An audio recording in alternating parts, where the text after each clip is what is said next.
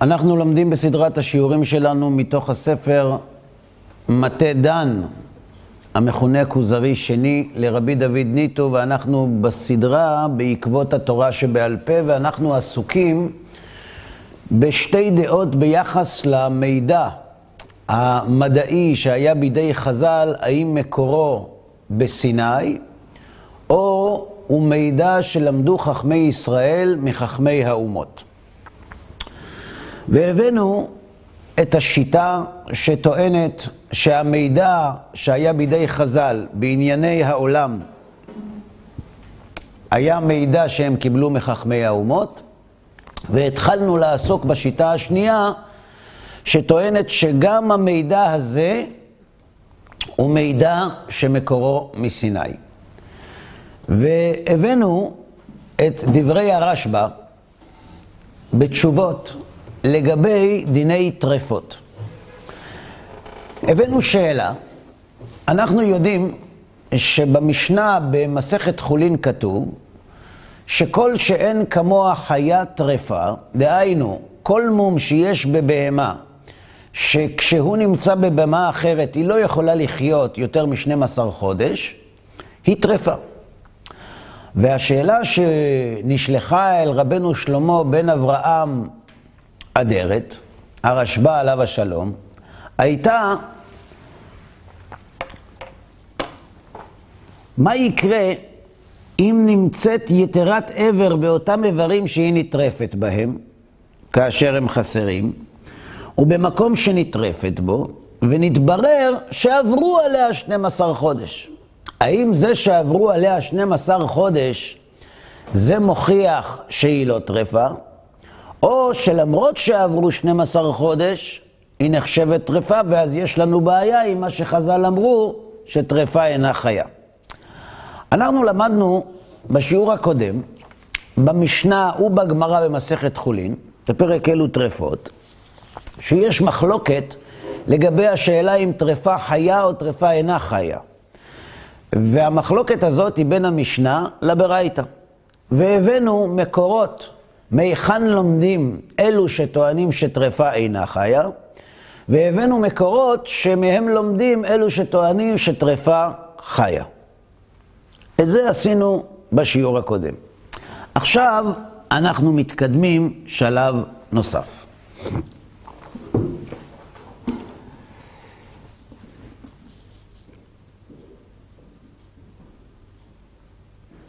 אומר הרשב"א, ועוד היו מקצת החכמים מוסיפים והולכים בתרפויות במה שאינה חיה, כפי סברתם, וסומכים על הכלל הזה. כלומר, יש לנו כלל שטרפה אינה חיה. יש לנו רשימה של טרפות שקיבלנו ממשה רבנו, ועל הרשימה הזאת הוסיפו חכמים כפי סברתם, כל מום שהם גילו שכאשר הוא קיים בבהמה היא אינה חיה 12 חודש, על בסיס העיקרון של טרפה אינה חיה, הם הכניסו גם את המום הזה בכלל הטרפות. ברור?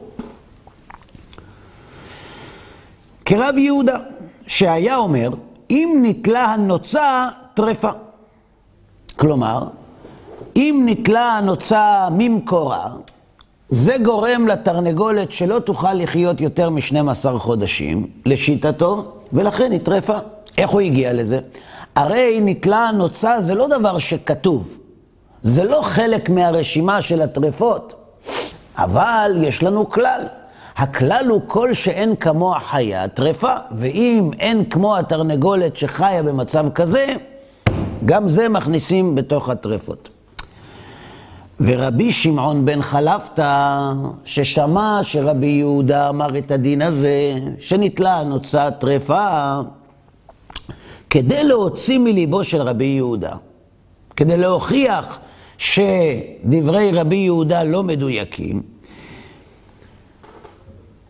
הטילה, הטילה עליה אור, אה, אור של תרסים והניחה בתנור עד שהגדילה כנפיים האחרונים יותר מן הראשונים. כלומר, רבי שמעון בן חלפתא לקח תרנגולת שנתלה נוצתה וכיסה אותה באור של תרסים כדי שלא תתקרר, ושם אותה במקום חם, והיא חייתה. ועל הטרפות האלו, הנוספים על הטרפויות המנויות והמוסכמות. וכן על כל ספק טרפויות, כגון ספק דרוסה וכל חיות כיוצא בזה, הם אמרו סימן לטרפה י"ב חודש. כלומר, הטרפות שקיבלנו ממשה, אנחנו בכלל לא מחפשים שום דבר, זה טרף ונגמר, הלכה למשה מסיני. אבל על הטרפויות שנוספו מסברה על ידי החכמים, ועל הספק שנתחדש בבהמות מסוימות, אם יש בהם מהטרפויות שלימד משה או לא, על זה, על כל כיוצא בזה אמרו, סימן לטרפה י"ב חודש. ובנקבה, כל שיולדת. בסדר? שעלותה של רבי יהודה ורבי שמעון בן חלפתא אמרוה בגמרא, להעיד רב הונא דאמר סימן לטרפות 12 חודש. על מה אמרו סימן לטרפות אמר רב הונא 12 חודש? על המקרה של נתלה הנוצה של רבי יהודה ורבי שמעון בן חלפתא. נמשיך הלאה.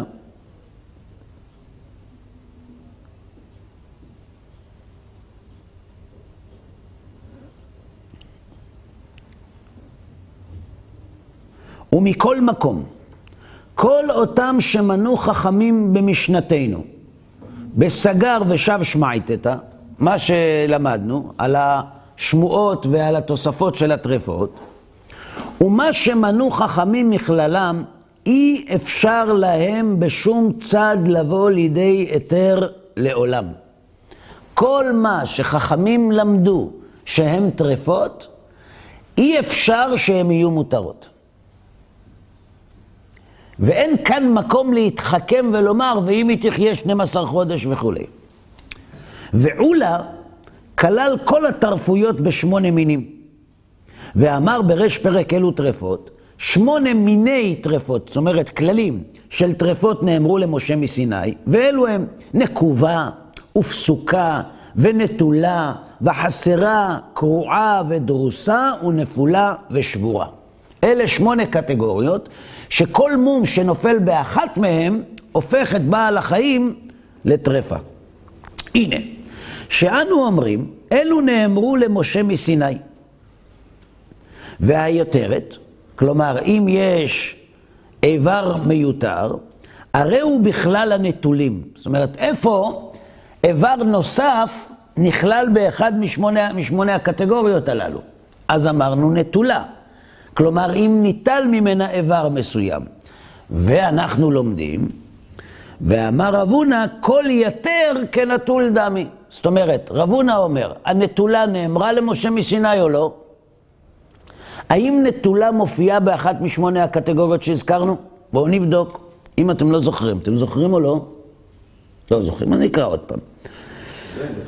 נקובה ופסוקה ונטולה וחסרה, קרועה ודרוסה ונפולה ושבורה. האם נטולה נאמרה? כן. יפה. עכשיו, מה יקרה אם היא לא נטולה? היא יתרה. האם יתרה מופיעה בשמונה מיני תרפויות? לא מופיעה? לא. נכון. אז למה אם היא יתרה היא פסולה? על יחסה. או. והיתרה הרי היא ככלל בכלל הנטולים. ומאיפה את זה אנחנו לומדים? מרב הונא. שאמר רב הונא, כל יתר כנטול דמי, או שהיא מכלל הנקובים או הפסוקים. אפשר גם לחבר את היתרה לפסוקים או לנקובים. ועד אמר רב הונא, כנטול דמי אחי כאמר. כנטול ממקומו ונשאר מקום החתך נקוב. זאת אומרת, יש שתי אפשרויות להסביר את ההגדרה כל יתר כנטול. כל יתר כנטול זה אומר שאם יש משהו מיותר, זה כאילו שהאיבר הזה נטול. בסדר? או אפשר לחבר את העניין הזה שלימד רב הונא כל יתר כנטול, או כפסוק או כניקב. למה? כי אנחנו מסתכלים כאילו נעקר האיבר ממקומו ונותר פתוח. אז זה או ניקב או נפסק, בסדר?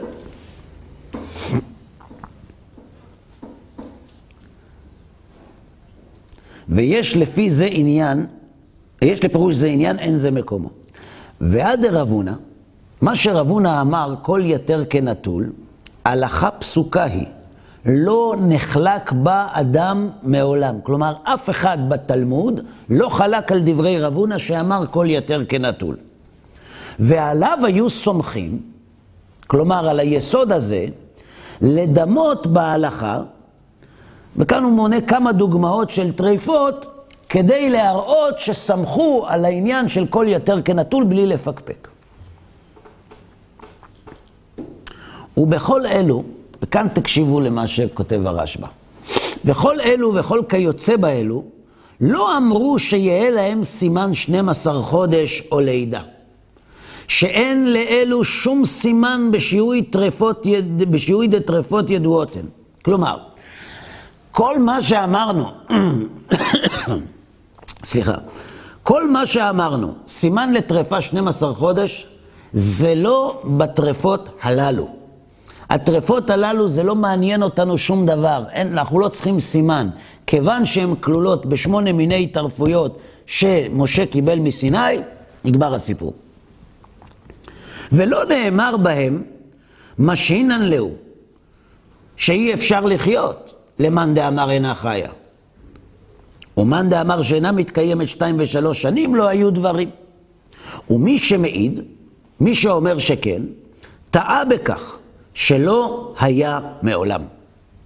כלומר, אם מישהו בא ואומר, הבהמה הזאת עם המום חיה יותר מ-12 חודש, אנחנו אומרים לו, לא היו דברים כאלה מעולם.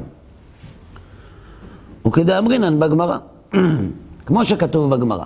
זאת אומרת, הוא מביא ראייה מהגמרא, שמה שאמרו סימן לטרפה 12 חודש זה דבר מוכרח. מאיפה הראייה? שאל רבי יוסי בן נהוראי את רבי יהושע בן לוי. זה מופיע במסכת חולין בדף נ"ז כמדומני. קדר, קדרת קנה בכמה. כלומר, אם נהיה חור בקנה, נקדר הקנה, כמה הגודל של החור כדי שהבהמה או העוף יהיו טרפות. אמר לי, משנה שלמה שנינו. זה כתוב במשנה. כמה תחסר הקנה? רבי שמעון בן גמליאל אומר, עד קיסר האיטלקי. סוג של מטבע, שאם הוא נחסר כך, נגמר. אומרת הגמרא, אמר לו, איך אתה אומר דבר כזה, שאם נגדר הקנה ברמה כזו, בקוטר כזה, טרפה, והלא רחל הייתה בשכונתנו. הייתה לנו כבשה בשכונה, שנקדר קנה שלה. ועשו לה קרומית של קנה וחיה. זאת אומרת, חיברו לה תותב והיא חיה. אמר לו, ועל דעת סמיך?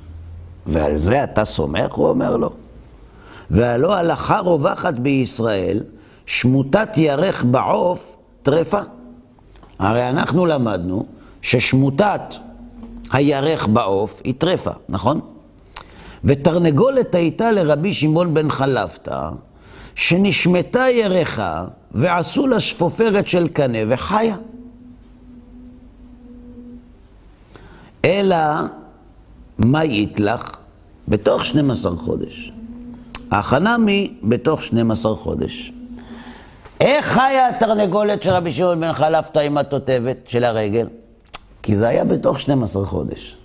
אבל עברו 12 חודש, היא בטוח מתה. גם כאן, במקרה הזה של הרחל שהייתה בשכונתך, שעשו לה קרומית של קנה, שנקדרה הקנה שלה, זה גם היה בתוך י"ב חודש, אבל אחר כך היא מתה. וכיוון שכן, אפילו יצאו כמה ויאמרו כך ראינו, אנו מכחישים אותם, כדי שיהא דברי חכמים קיימים, ולא נוציא לעז על דברי חכמים, ונקיים דברים של אלו, וכיוצא בדברים אלו אמרו בהאיתתא. זאת אומרת, כמו מה שאנחנו אומרים כאן, אני בונה את זה על מה שלמדנו בגמרא. מה? אישה אחת אמרה לו לרב אסי, אני שהיתי לאחר בעלי עשר שנים וילדתי. איך זה יכול להיות? הרי חז"ל אמרו שצריך להמתין זמן מסוים, כי אחר כך היא אינה יולדת. אז איך היא שהתה אחרי בעלה עשר שנים וילדה? אמר לי ביתי, אל תוציאי לעז על דברי חכמים. וחזרה ואמרה היא, לגוי נבעלתי. זאת אומרת, כי אם זה היה נכון, אז יכול להיות שישו באמת נולד מרוח הקודש. זאת אומרת, אתם מבינים? כן. וכן בכרות שופחה, שנקבו ביציו, שאמרו שהוליד. ואמר להם רב, צא וחזר על בניו, מאין הם? כרות שופחה הוליד? תבדוק מאיפה הילדים שלו. מה לומדים מזה? שאי אפשר שיהיו דברי חכמים בטלים. כי אם היה אפשר, מה יכול להיות? וכיוצא באלו אני אומר כאן, לשואל, בבקשה מכם, אל תוציאו לעז על דברי חכמים בכל מה שמנו חכמים בתרפויות הוודאים, ולא עשאום ספק טרפה. כלומר, אל תטילו דופי במה שאמרו חז"ל על הטרפות הוודאיות, לא על הספק, ואם יש מי שליבו נוקפו, ויאמר שמא לא דיברו חכמים, אלא על הרוב. מה שאמרו שטרפה אינה חיה ולא מחזיקה 12 חודש, זה בדרך כלל. סטטיסטית. כן, סטטיסטית. אבל יש יוצאים מן הכלל. זאת אומרת, הוא חשב עלינו, הרשב"א. ורוב בעלי חיים שנטרפו באחד מטרפויות שמנו חכמים אינם חיים. אבל אפשר שמקצתן חיים. למה? בגלל חוזק גופם וטבעם. זאת אומרת, יש כאלה שהגנים שלהם חזקים, הם כן שורדים. ולכן מי שיוצא מן הכלל לא יכול ללמד על הכלל. אם תאמר כך, שמה? שבאמת יכולה לחיות יותר מ-12 חודש. כלומר, אם תביא בהמה טרפה שחיה יותר מ-12 חודש, לא נגיד שחכמים טעו. כי הם דיברו בדרך כלל, אי אפשר להגיד את זה.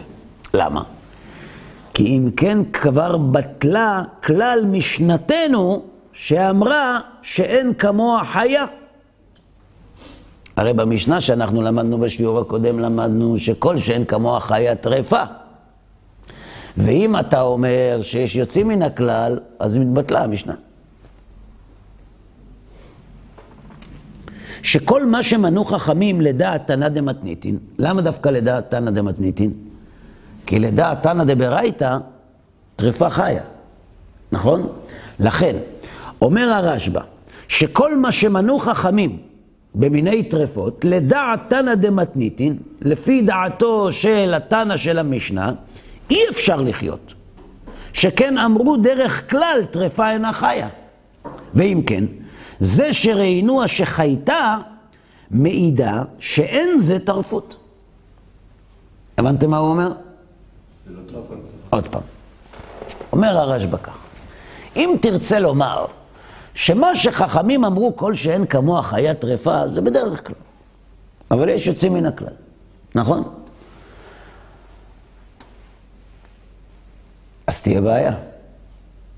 כי אם תראה בהמה שחיה 12 חודש עם המום שלה, ואנחנו אמרנו כל שאין כמוה חיה טרפה, אז נניח שבהמה א' לקטה בריאה, ובהמה ב' לקטה בריאה, וראינו שבהמה ב' לקטה בריאה וחייתה. ועכשיו אנחנו דנים לגבי זאת שלקטה בריאה הראשונה. ואנחנו אומרים, יש כמוה חיה או אין כמוה חיה? יש. יש, אז היא לא טרפה. ברור? אז נתבטלה המשנה.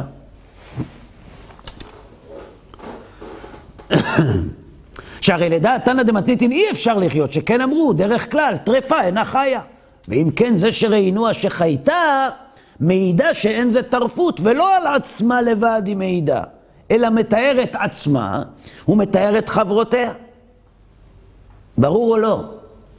ואינך נמלט משני עניינים. או שתאמר שאין טרפה חיה, וזו שחייתה מעידה שאין זה טרפות. אה, אתה יודע, באמת טרפה אינה חיה. אז איך היא חייתה? זה לא טרפה.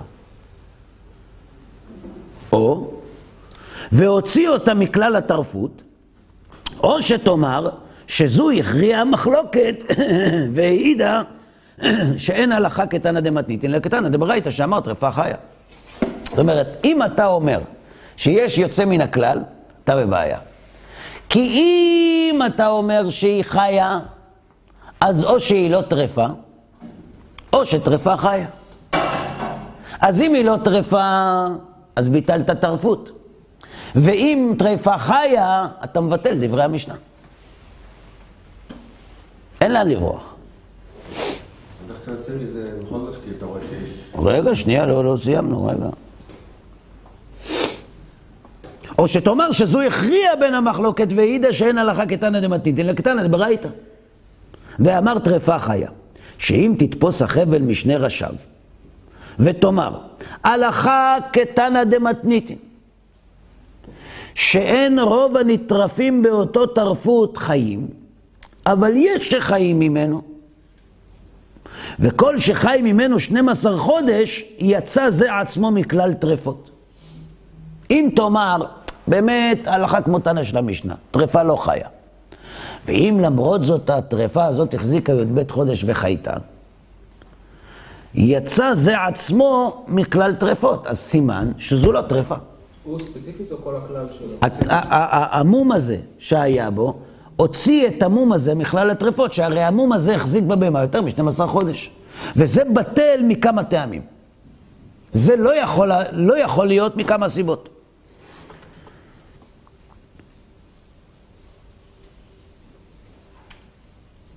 למה? האחד, שהם דרך כלל אמרו שאין טרפות אלא הטרפות שאין כמוהו חי. הם אמרו באופן גורף, כל שאין כמוהו חי טרפה. נכון? הם אמרו את זה, חז"ל. האם יש כמוהו חי? טרפה או לא? לא. לא. ולכן אי אפשר לומר את זה. ועוד שהרי שנינו בברייתא, וכאן מביא דוגמה יפה. תקשיבו. רבי יוסי בר יהודה אומר, אף נקבע המרה, טרפה. כלומר, אם נקבע המרה, הבהמה טרפה. ואמרינן עלה, אמר רבי יצחק בר יוסף, אמר רבי יוחנן, הלכה כרבי יוסי. שהלכה כמו רבי יוסי, שאם נתלה המרה, טרפה. ועל זה אמרו בגמרא, אמר רבי יצחק בר יוסף, אמר רבי יוחנן, מאי ההדרה לי חברי לרבי יוסי? מה ענו לרבי יוסי שאמר שנתלה המרה טרפה? אחי כאמרי לי, כתוב בספר איוב, ישפוך לארץ מרתי, ועדיין איוב קיים. אם נתלה מרה טרפה, הרי על איוב כתוב שנשפכה מרתו לארץ, ועדיין איוב קיים. אז אתה רואה שנתלה המרה, חי או מת? חי. חי. זה לא משנה. יש טרפה באדם. אדם שהרג את הטרפה. גמרא דנה בשאלה, אדם שהרג אדם שיש בו מום שלא יחיה יותר מ-12 חודש. מה דינו? האם הוא הורג אדם, או האם הוא הורג מת? בסדר? מה ענה על זה רבי יוסי? אמר להם, אין מזכירים מעשה ניסים. אתם מביאים ראייה מנס? אי אפשר להביא ראייה מנס. למה? דהי לא תימא אחי, אם לא תגיד כך, אם זה באמת נשפכה מרתו, וזה טבעי שהוא חי, ולכן אם נתלה מרה כשרה, הרי כתוב באיוב, יפלח כליותיי ולא יחמול. הכנה מדחיה. הרי אנחנו אומרים שיש טרפות בכליה, נכון? על זה כולנו מסכימים. ואם נתלו הכליות של איוב ונקרעו, והוא המשיך לחיות, אז זה לא טרף. אלא מה? ניסה, שאני. זה היה נס. למה? שנאמר, אחרי את נפשו שמור. כלומר, אומר להם רבי יוסי, אתם לא יכולים להביא ראייה מאיוב. למה? כי באיוב הקדוש ברוך הוא אמר לו, לשטן, תעשה לו הכל רק את נפשו שמור. מה זה את נפשו שמור? תשאיר אותו בחיים. זאת אומרת, אתה יכול להטיל בו מומים שכמוהם מתים, אבל תדאג שהוא יישאר חי. לכן זה נס, ואי אפשר להביא ראייה ממעשה ניסים, ולכן נתלה המרה טרפה. בסדר? למה הוא מביא את זה כאן הרשב"א? נפלא.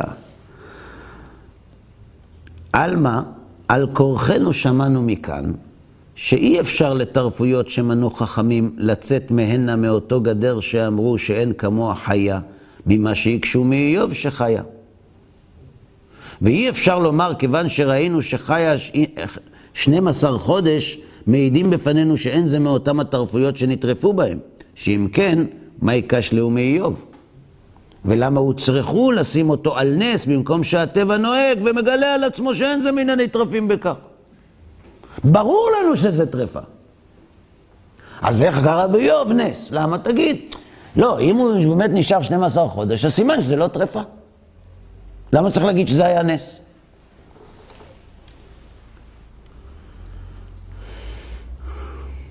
ועוד, מהי כמה כשלי רבי יוסי בן נהוראי לרבי יהושע בן לוי מאותה מעשה, מאותה שעשו לה הדוק של קירויה וחיית? מה הוא שואל אותו מה, מה, מאותה בהמה שעשו לה איזה תותבת ותרופה בשביל שתוכל להמשיך להתקיים? דילמה, זה חיותה מעיד עליה, שכוחה יפה וטבעה חזק, עד שלא נטרפה בכך, אף על פי שכל כיוצא בה אוסרים תוך זמן י"ב חודש. זאת אומרת, מה הוא שואל אותו? הייתה לנו תרנגולת ושמו לה, והייתה לנו רחל ושמו לה והיא חייתה. בסדר. חז"ל דיברו על בדרך כלל. אולי היה לה כוח, הייתה יוצאת מן הכלל. אז אתה רואה שכשמשיבים לו ואומרים, לא, היא כן מתה, זה אומר שאי אפשר לתרץ את התירוץ שיש יוצאים מן הכלל. זאת אומרת שכשחז"ל אומרים כל שאין כמוה חיה טרפה ואין טרפה קיימת י"ב חודש, זה חוק, זה לא משהו שאפשר להגיד זה כלל ויש יוצא מן הכלל. ברור.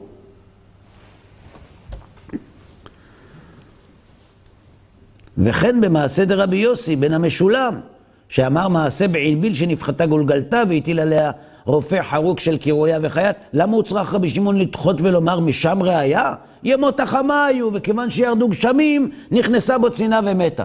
למה זה צריך להגיד שהיא מתה? יכול להיות שהיא מת חיה, אבל היא יוצאת מן הכלל.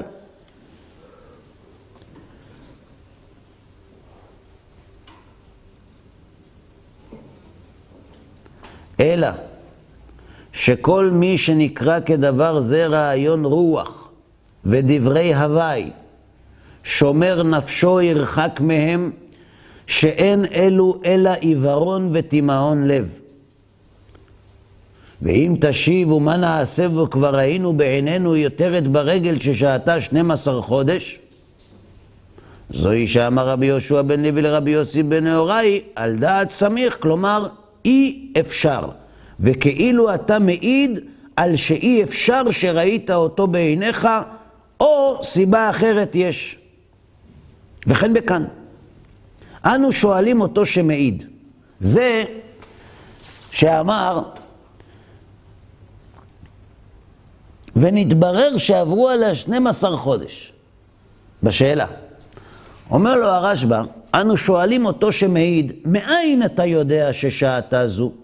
שמא שכחת, או שמא טעית, או שמא נתחלף לך בזמן, או שמא נתחלפה לך בהמה זו באחרת, שאי אפשר להעיד שתהא בהמה זו בין עיניו כל 12 חודש. למה אי אפשר? כי מי שחי עם בהמה 12 חודש, כבר לא יכול להעיד בסוף. נכון? זה הכבשה היחידה שיש לו, הוא יודע שזו היא. אה? אם זה הכבשה היחידה שיש לו, הוא יודע שזו. כן. ואם יתחזק בטעותו, ויאמר לא,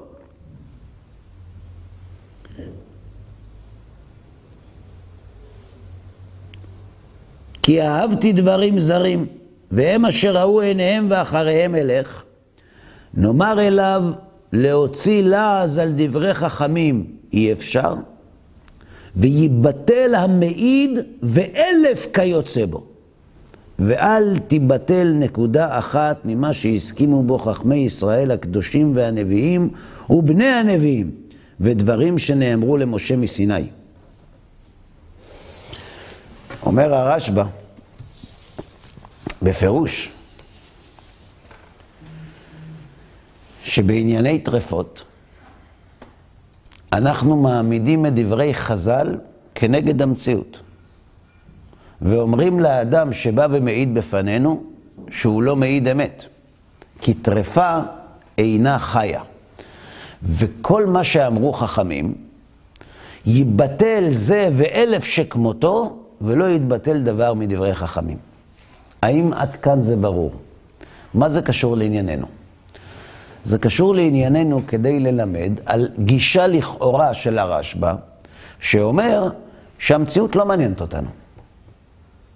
מה שמעניין אותנו זה מה שחז"ל אמרו. ואם חז"ל אמרו שטרפה אינה חיה, אז היא אינה חיה, ואינה חיה 12 חודש, אז היא לא חיה 12 חודש.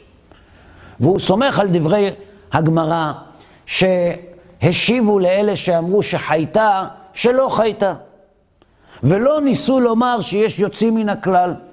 ייקוב הדין את ההר, ברור. אבל מה שהוא כותב כאן, הוא כותב למה ייבטל זה ואלף שכמותו, ממה שהסכימו בו חכמי ישראל, למה? הקדושים, הנביאים ובני הנביאים, ודברים שנאמרו למשה מסיני. ברור. זאת אומרת שהדברים האלה נאמרו לחכמים מהנביאים, ממשה רבנו, ולכן אפשר לבטל את הדברים האלה. לגבי משה מסיני אין מה ויכוח, לגבי מה שהם קבעו, חכמים, הם שקבעו, אז זה היה הדיאלוג, שכן לא חיה, לא חיה. מה שמשה מסיני זה ברור שזה שרפה, זה איך כתוב, משה את זה. כן. אבל לגבי מה שהכוונה קבעו, שהחכמים קבעו. אין בזה מחלוקת. אבל אין בזה מחלוקת. מה אנחנו עושים עם המציאות של היום, שאתה כן יכול לראות שכן שורדת ברפואה, עם הטכנולוגיה. מה עושים עם זה? שאלה טובה. אבל עד שאתה מגיע לשאלה הזאת, יש שאלה יותר אולי מקדימה. מה שכותב כאן הרשב"א, על מה הוא כותב את זה? על המידע המדעי שהיה בידי חז"ל? לא. על הלכות, רגע, על הלכות טרפות. הלכות טרפות קיבלנו ממשה רבנו. את הידע המדעי לא קיבלנו ממשה רבנו. אז מה כן אפשר בכל זאת ללמוד מהרשב"א ולצרף אותו לסניף לדעה שאומרת שדברי חז"ל הם קבועים? שהוא אומר שאנחנו, במה שחז"ל אמרו, לא מתחשבים במציאות ולא בעדות של אנשים, אלא אומרים שהם בוודאי טעו. כמו שאותה אישה באה ואמרה שאחרי עשר שנים היא ילדה, והוא הסתכל עליה ואמר לה, את מוציאה לה דברי חכמים, אה? ואז היא אמרה לו, נבהלה לגוי. למה הוא אמר, מה אכפת לה? מי, ש... מי שנבהלה לגוי אכפת לה מדברי חכמים? אלא שאפילו למי שנבהלה לגוי היה ברור שדברי החכמים היא אמת. והיא ידעה שאם היא תגיד שהיא נבהלה, שהיא עשר שנים בלי בעלה וילדה, יגידו לה שזה לא יכול להיות. אז היא העדיפה לגלות בעצמה. למה זה לא יכול להיות? כי חז"ל אמרו. זאת אומרת, ברור לנו שלא דוחים את דברי חז"ל בגלל דבר שאישה מעידה, ואם מישהו מעיד נגד דברי חז"ל, תבדוק אחריו. תגלה דברים מעניינים.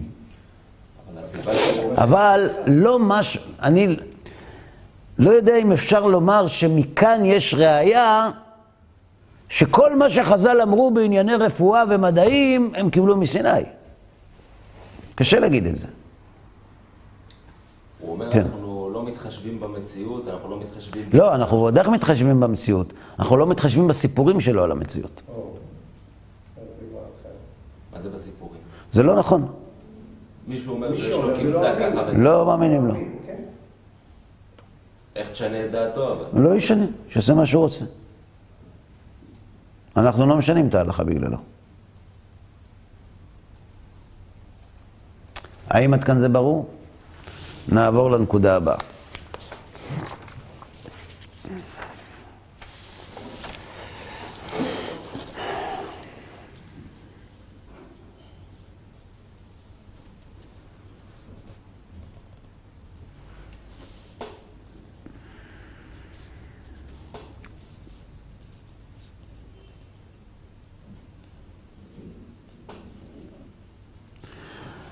בפירוש רבנו חננאל על התלמוד, הוא עוסק בענייני אסטרונומיה ובדברים שלכאורה יש מחלוקת בין מה שאנחנו יודעים לבין מה שחז"ל אמרו. והוא כותב, ואף על פי שאחוזים בכוכבים שבזמן הזה סוברים דברים המכחישים את הידע האסטרונומי שחז"ל לימדו, לא משגיחינן להו. לא סופרים אותם, אלא אנו מוזרים על דברי רבותינו כתקנם, ולא לחוש לדברי זולתם. בסדר?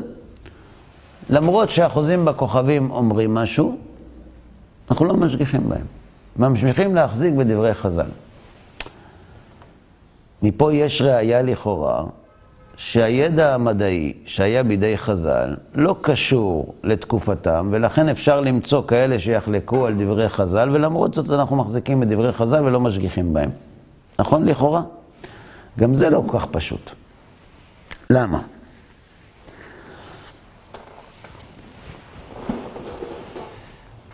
הרמב"ם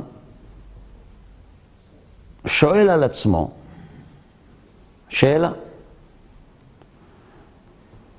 למה הוא לא מחזיק בשיטת אריסטו שהעולם הוא קדמון? תשובה. קיבלנו. לא. אומר הרמב"ם, לא בגלל שכתוב בתורה בראשית ברא אלוהים. אם היה לאריסטו הוכחה שהעולם קדמון, מופת, הייתי מסביר את הפסוקים בתורה לפי דעת אריסטו. ואל תתפלא, כבר עשיתי את זה. איפה?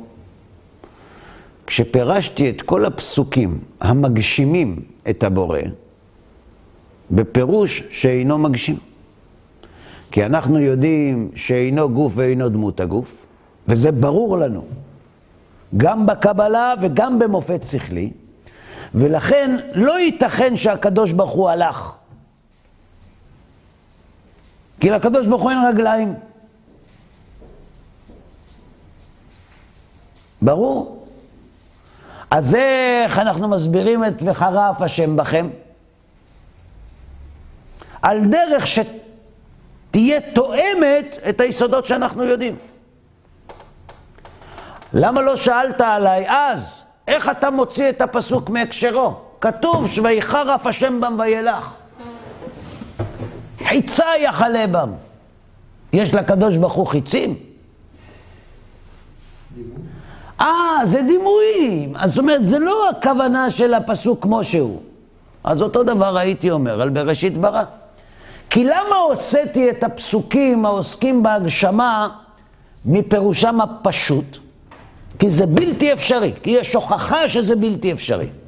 אם הייתה לנו הוכחה שהעולם קדמון, היינו מסבירים את בראשית ברא אלוהים לפי ההוכחה של אריסטו.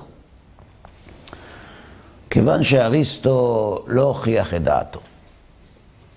והשאלה אם העולם קדמון או העולם נברא היא מעמד שכלי. דהיינו, משהו שאין השכל יכול להכריע בו, שיש ראיות לכאן וראיות לכאן, לכן אני מחזיק באפשרות הבריאה, כי זה פשט הפסוקים. ולא הוכח אחרת. וגם, שאם אריסטו צודק, אז אין ניסים. ואם אין ניסים, כל התורה בטלה. ולכן אני מחזיק בדעה הזאת. בסדר עד פה? נחזור לדברי רבנו חננאל. אומר רבנו חננאל, אנחנו לא משגיחים באסטרולוגים או באסטרונומים שאומרים כך וכך, ואנחנו ממשיכים להחזיק בדברי חכמים. האם זו ראיה שאנחנו לא מתחשבים בידע המדעי, ואנחנו טוענים שהידע המדעי שהיה בידי חז"ל הוא ידע שהגיע מסיני? לא בטוח. יכול להיות שמה שאומר כאן רבנו חננאל, שאנחנו לא משגיחים בהם, זה מפני שיש להם אמנם טענה מנוגדת לדעת החכמים, אבל היא לא הוכחה. וכיוון שהיא לא הוכחה, אנחנו ממשיכים להחזיק בדעת החכמים. ברור? אז גם המקור הזה הוא לא לגמרי מושלם מהבחינה הזאת. בסדר? מקור נוסף.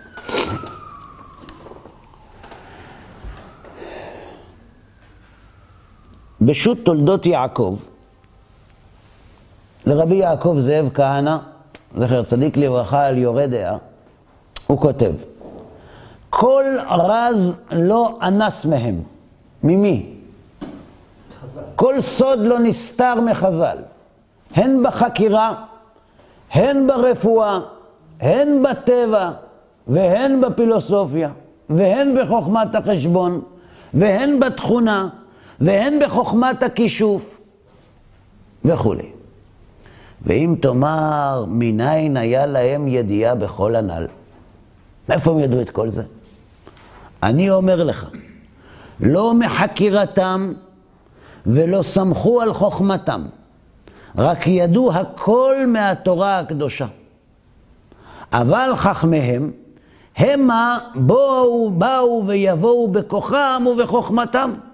לכן אי אפשר להיות בלא מכשול, כי השכלתם היא תכשילם כאשר ראינו בספריהם, לא ראי זה כראי זה. כי המושכלות שלהם אינם עומדים על מקום אחד, כי המושכלות שלהם נחלקות לפי האדם ולפי העת. מה הוא אומר?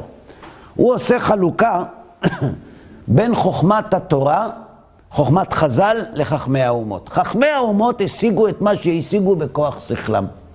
וכיוון שהם השיגו אותו בכוח שכלם, יש בהם טעויות. אבל חז"ל, הם לא השיגו את זה דרך לימוד החוכמה הפרטית של כל תחום ותחום, אלא את הכל הם הוציאו מהתורה. אגב, גם אם הם הוציאו את זה מהתורה, הם לא קיבלו את זה מסיני. זאת אומרת, הם הוציאו את זה מהתורה שניתנה מסיני. נכון? אבל זה כבר הרבה יותר קרוב לשיטה השנייה מאשר לשיטה הראשונה.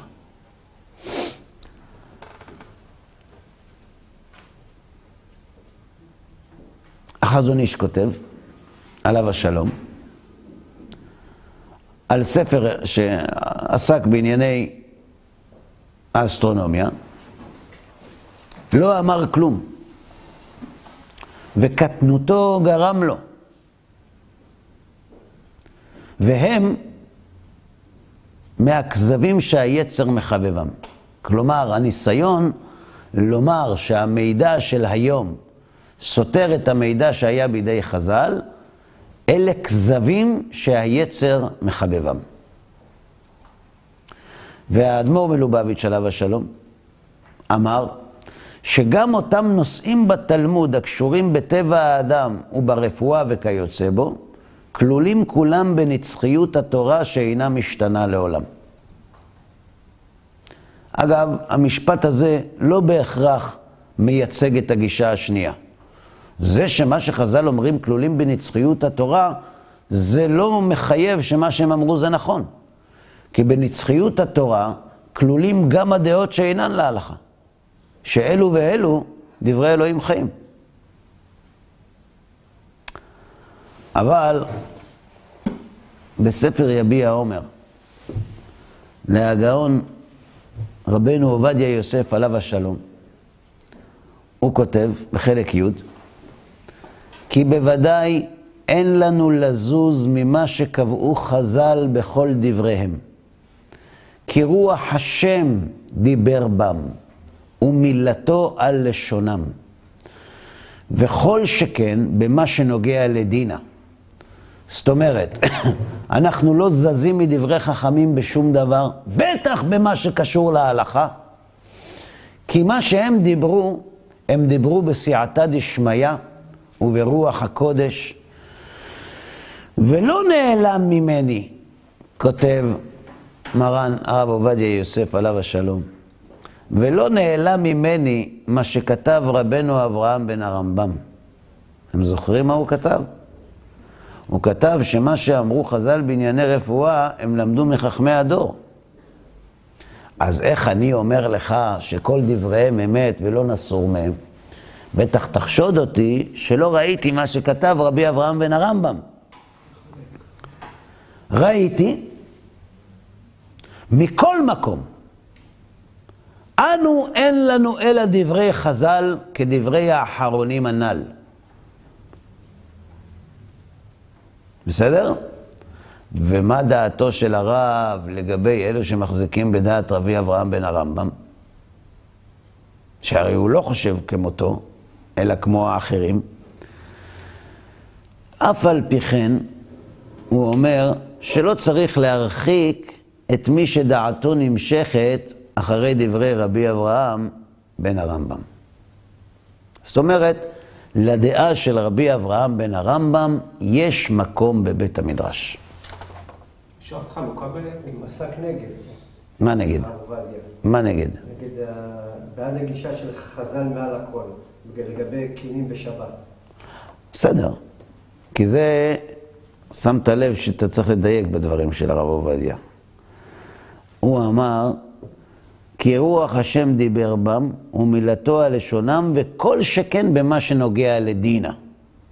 לגבי קינים בשבת זה נוגע להלכה.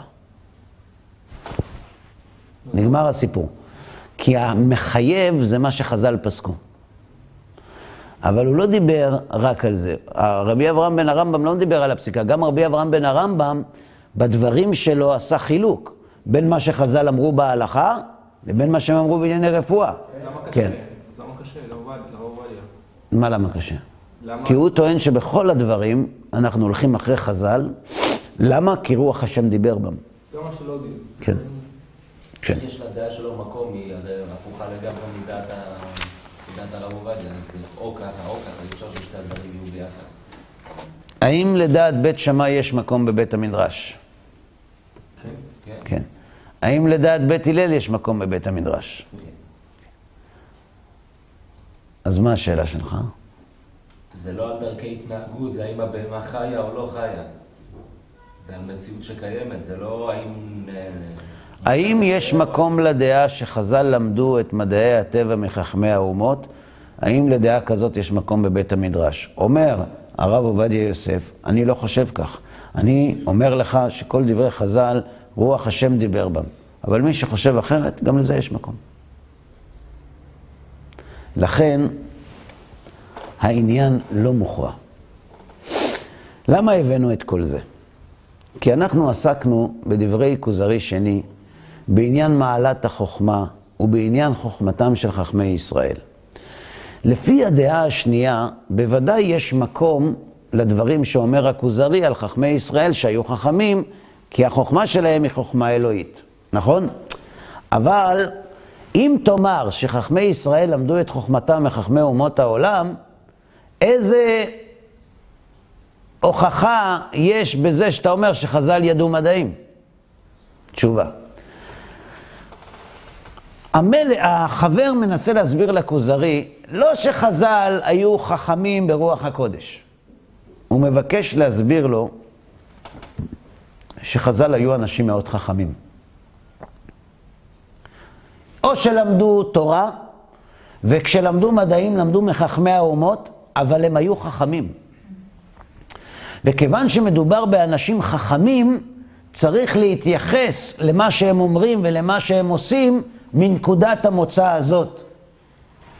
בשונה מאלה שטענו שחכמי ישראל לא היו חכמים, ומנסים למצוא כל מיני טעויות בדברי חז"ל. על זה אומר רבי אברהם בן הרמב"ם, אני לא מבין מה אתה רוצה. הם היו חכמים, וכיוון שהם היו חכמים, אתה לא יכול לחשוד אותם בבורות. אלא מה? מצאת תקלות בחוכמה שלהם? זו החוכמה שהייתה נוהגת בתקופתם. כי הם למדו באוניברסיטה באותם ימים. ובאוניברסיטה לימדו את הרפואה בצורה כזאת. המטרה של החבר זה לא להגיד שחוכמת חז"ל בדברי הטבע היא אמת, אלא שחז"ל היו חכמים וידעו גיאוגרפיה והיסטוריה ושירה ואת כל הדברים שאנחנו מנינו בשיעורים הקודמים כדי ללמד שהיחס לחכמי ישראל והמעמד של חכמי ישראל והחוכמה שלהם הייתה בעלת קנה מידה ושיעור קומה ביחס הרבה יותר גבוה מאשר אצל חכמי אומות העולם. בתקופת רבנו תם, מכירים את רבנו תם, נכון? חי קרל הגדול. קרל הגדול. שלט כמעט על כל אירופה. היה לו מתחת לכרית נוצה ודיו בתוך כסת וקלף כדי להתאמן וללמוד לקרוא ולכתוב. איך אמר בנימין דה יזרעאלי לדניאל גלסטון, שאותו הוא הדיח מראשות ממשלת אנגליה? בנימין דה יזרעאלי היה מומר. הוא אמר לו בזמן שאבות אבותיי הקריבו קורבנות בבית, בזמן שאבותיך נחרו חזירים לעבודה זרה, אבות אבותיי כתבו את התנ"ך. הוא ענה לו את זה בגלל ההערות האנטישמיות שהוא השמיע כלפיו. כי כידוע, דת החסד והרחמים מקבלת באהבה ובזרועות פתוחות כל מי שממיר את דתו לנצרות. ולא מזכירים לו בשום אופן את מוצאו היהודי מהחסד והרחמים שנוהגים בדת הזאת. עד כאן להיום.